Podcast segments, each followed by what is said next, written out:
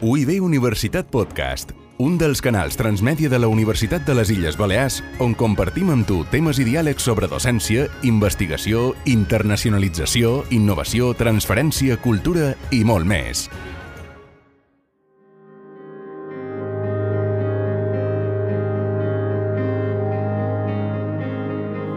Being a teacher today can seem to be tough work, as digitalization, that oft dreaded word, arrived a long time ago and is definitely here to stay. In view of this reality, how does the University of the Balearic Islands assist lecturers who, having a very clear idea of what they want to communicate, that is, of the content, choose methodologies and strategies that connect with the digital world? And how can they access this help to better structure their videos, podcasts, presentations, and so on? Mira, eh, nosotros en la Universidad de las Islas Baleares tenemos muy clara una cosa. Eh, no existe Look, one thing is crystal clear to us at the University of the Balearic Islands.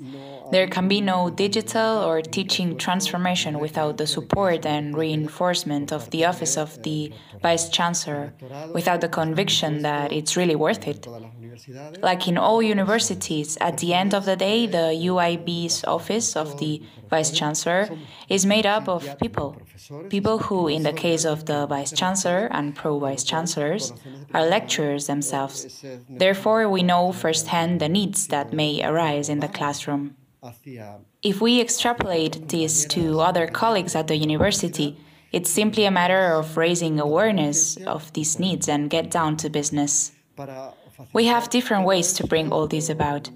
On the one hand, we have the Institute for Educational Research and Innovation, which is in charge of the staff training program and which is accountable to the Office of the Pro Vice Chancellor for Academic Staff. And on the other hand, in this training program, we also rely on all the work carried out externally by the Office of the Pro Vice Chancellor for Digital Campus and Transmedia projects mainly through our close collaboration with the Digital Campus Service, which is accountable to this same office, with the aim of offering this training to lecturers and provide them with all the necessary support. Training can be face to face, if the health situation allows, or online. Mind you, this Pro Vice Chancellor's office was strongly committed to the online self learning courses even before the pandemic struck. Making use of Aula Digital, that is our digital classroom tool, so that lecturers could access the course and take it whenever they wanted, or could use it as a frequently asked questions section on the use of this same tool, or of any particular methodological strategy they were doubtful about. Apart from this, we also offer lecture support in the form of monitoring and guidance, always on request. We don't push anybody. The lecturer lets us know the problem, circumstance, or doubt. Then, our technical staff, most of whom are educators at the Digital Campus Service, offer them support, whether by phone, email, or video conferencing, which we do a lot in this time of pandemic, and I think this will be the rule from now on. On the other hand, we also provide them with tools both through the Web Office and the Information Technology Center, the CTI. These websites can be used in parallel with Aula Digital, our online classroom tool, as a reinforcement for the course.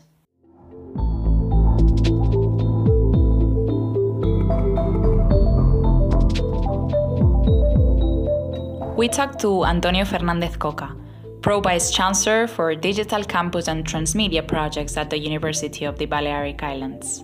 One of the main goals of our university is to get to know our students better. To do so, we need to be familiar with the type of language they use in their everyday lives, which is influenced by social media and the content which is available on digital platforms. If the lecturer is acquainted with this language, student participation can be adapted and further encouraged. For this reason, the University of the Balearic Islands has designed a series of workshops entitled UIB 40.0. But what exactly do these workshops consist in? And why UIB 40.0? Why this name? Bueno, vamos a empezar por el final. UIB 40.0 Well, let me start from the end. We had to give a name to the project. UIB is our institution's initialism, standing for University of the Balearic Islands. So that was a no brainer. But why 40? Well, just because a couple of years ago we turned 40 as an institution, and that was right when the project started, and because in the field of technology, and in this day and age, we always number things with a dot followed by the version. So we decided to use the university's age and its contemporary history, though we have five centuries of previously acquired experience under our belt. So the name is UIB 40.0, but it could have been a different one. This was just a way to further reinforce the 14th anniversary through these activities. But well, this is just an anecdote. What's really important is our conception of the student as one of the core elements of our institution. We conduct research, but we also teach, and the recipient of our teaching is, of course, the student. Just as I don't speak like my father, who's 29 years older than me, I can't expect the students of today to speak the way I used to when I was a university student myself. There's nearly the same age difference between us, after all. I finished my university students in 1992, which was when I finished my master's degree, and then I carried on studying, but no longer like they do, in a classroom full of people. If this changed years ago, it's only logical that it has changed now as well, and we noticed this when talking to fellow lecturers, who said things like, Students don't take notes in my class, whereas we used to take them back in the day. Or they take pictures of what I project, whereas in our time there were no smartphones to take pictures with. At best, you could bring a regular camera to class, and you could count yourself lucky if you managed to capture the light properly. But it didn't occur to you to do that, of course. Note taking techniques have changed, but so have the ways in which centennial students, that is, those who were born at the end of the last century, conceive and build their narratives. We must bear in mind that we are recording this podcast in the year 2020, and these are the students who are now at the university. So we have to adapt to them, we need to know how they structure information. If you know how to structure information and conscientiously apply this knowledge in your courses, which is your decision as a lecturer, chances are that students will succeed in meeting the goals you've set for the course. Plus, they'll acquire a number of skills or competencies that will make it easier for them to be successful in their future careers. But what about the content? Well, it turns out that in order to achieve certain goals, you have to teach some content. The two things go hand in hand.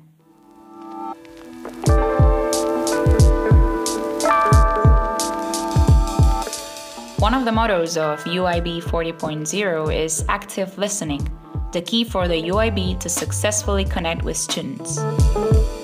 Precisely because of this, lecturers must do their share, mustn't they? So far, we've been taught that a discourse must comprise three sections a beginning, a middle, and an end. But that need no longer be the case.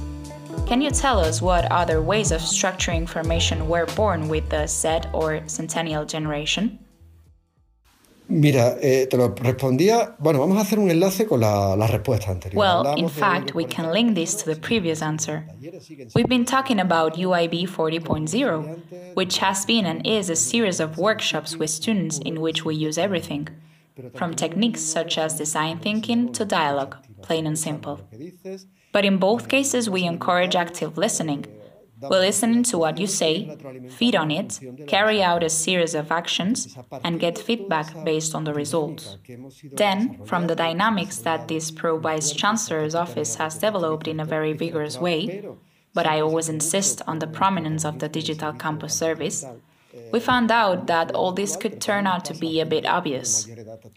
If we use the traditional narrative structure, that which we call Aristotle's arc, consisting of a beginning, a middle, and an end, to teach something to a current student, or to an older person for that matter, they'll be left thinking, all right, that's all very well, but how's this of any use to me?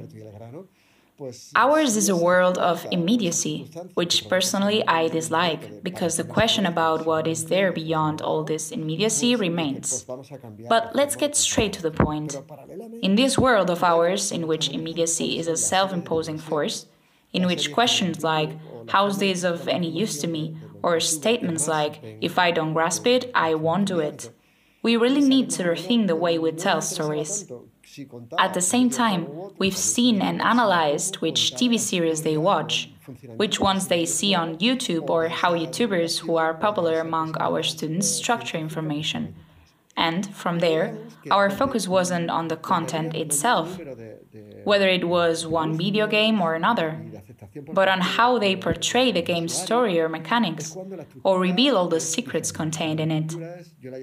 We've noticed that the highest number of followers is achieved when the structure is not a classical one, but rather that which I like to call CSI structure.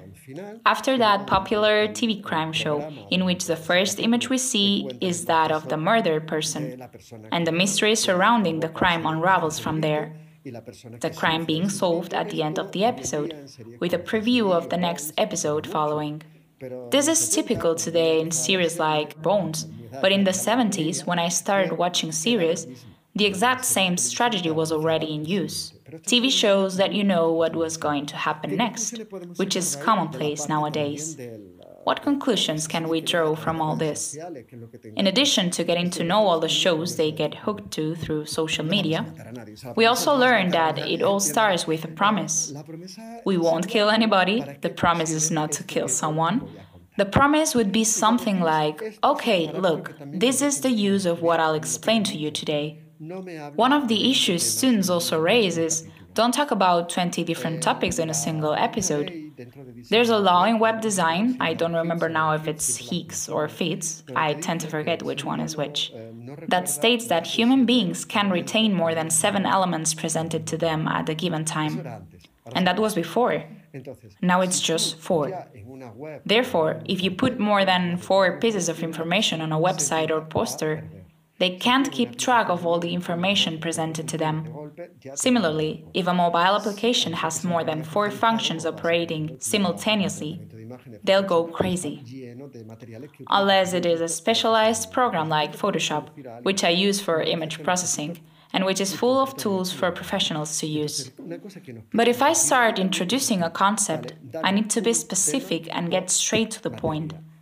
So, one thing they ask us from there is okay, give me one topic per subject, or two or three at most, but which are related. Don't jump from one to the next with no cohesion at all. There's yet another thing we learned from this study that we carried out with our students, and that we constantly share with the lecturers of our university and those of others. The better trained students are, the better we achieve the goals we set, and the more skills they acquire, the more society as a whole will benefit from their training. And that's our university's ultimate goal at the end of the day.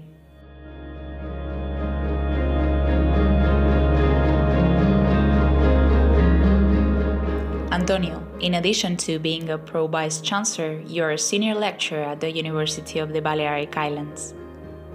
What techniques do you use to get your students' attention from the beginning? How do you start a class?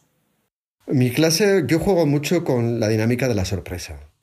In my classes, I play a lot with the dynamics of surprise. And I don't mean an, oh, it's just occurred to me kind of surprise, but rather a very pre structured one. The first part of the surprise my students encounter in class is a speech that I started using two years ago, and that works really well aiming to capture their interest and make them want to go further, to know more. I was born in 1966, so you can calculate my age. Depending on the year in which you are hearing this, you may have to add one year to the count. Anyway, when I was a university student, most lecturers would come to class and give us the usual spiel. Sorry, but that's what it was a tedious master class. And I was expected to believe it, right? The thing is, I'm absolutely pragmatic. So perhaps, owing to my personality, I need to try things out for myself to make sure that they work. Even though I know I'm supposed to trust you fully, and that you are my mentor, and that I do believe it'll work, still I have to see how for myself. So I like students to make this pragmatism their own. Repeatedly throughout the course, my motto goes like this. I'll teach you some content. We'll share knowledge, we'll have a series of experiences together, but I'll ask one thing of you in return. Don't take my word for anything. Only believe it once you've checked it for yourself. And once you've done so, we'll get a result, and from that result, we'll have a discussion will move forward, will make your learning curve go up more and more. For that is the real goal we teachers pursue to strengthen learning over time so that students don't need to rely on crutches. Because I don't want to be anybody's crutch, either as a lecturer or as a person in life. It's with this philosophy in mind that I started to work with them. And then we have a methodology, of course. For instance, I don't teach theoretical content in my classes. Everything is recorded on video. We started recording it all back in 2010. I have everything recorded. Not that I need 10 years to record myself, but with 10 years teaching experience in some courses, I've polished not only the way I record, but also the way I narrate stories to suit more and more students. And at the end of each course, we have a series of class discussions to see how we can improve the subject, both for them and for future students.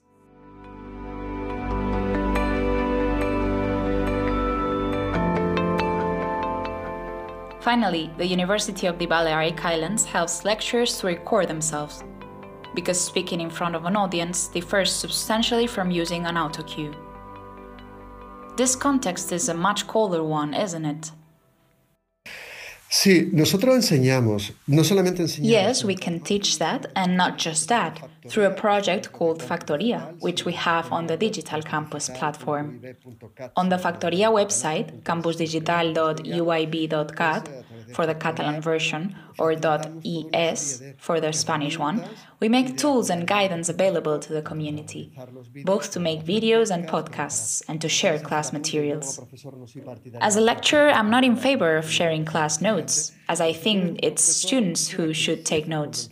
But if you are a lecturer who firmly believes that providing students with your notes serves a purpose, we teach you how you can structure them to better convey the desired meaning without ever abandoning the rigor of your course, of which you know more than anyone, of course.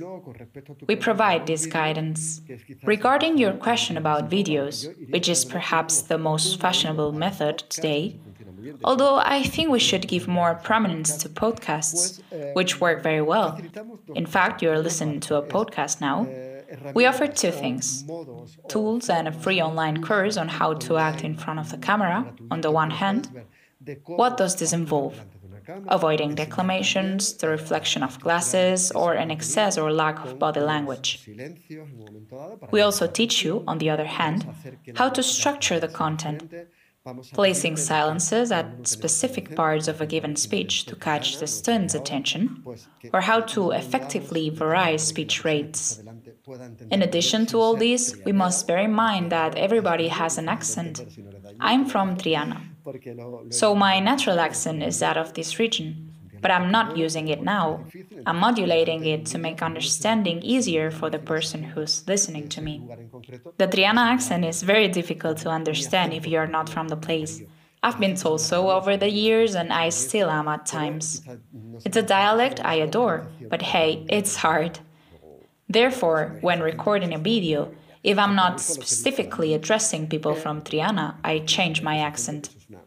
Accents are wonderful, I insist, but in this case, we are not merely talking about changing my accent, but rather about changing the way I enunciate to make sure my speech is understood. Then, of course, everyone has an accent, which is a wonderful thing, don't get me wrong. And as some people don't like to record themselves with their smartphone or webcam, we can do it for you at the university. We have the audiovisual service, which, in collaboration with the Digital Campus service, helps you solve any doubts you might have, such as the typical one How long should my teaching video be? Well, look, it really depends on the message you want to convey, on how interesting it is, and on how you can get the person's attention. Can you communicate it in a minute? So much the better. Perhaps you need 20, 30, 40 minutes. Okay, but anything beyond that is unbearable. If it's longer, you should make two videos instead.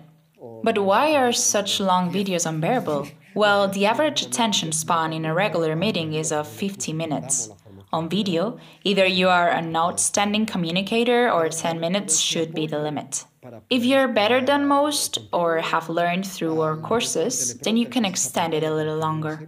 For instance, we provide you with support on how to perform in front of the autocue, which, for those who are not familiar with this device, is the glass screen where the words you have to read are displayed.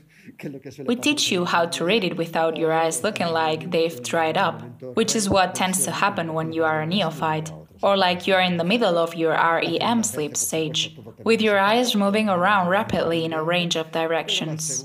The first couple of times, we all have dry eyes, and we are all in the REM stage, but the second or third video you record is already smooth. Tiramillas, like we say in Andalusia. Pretty straightforward and undemanding.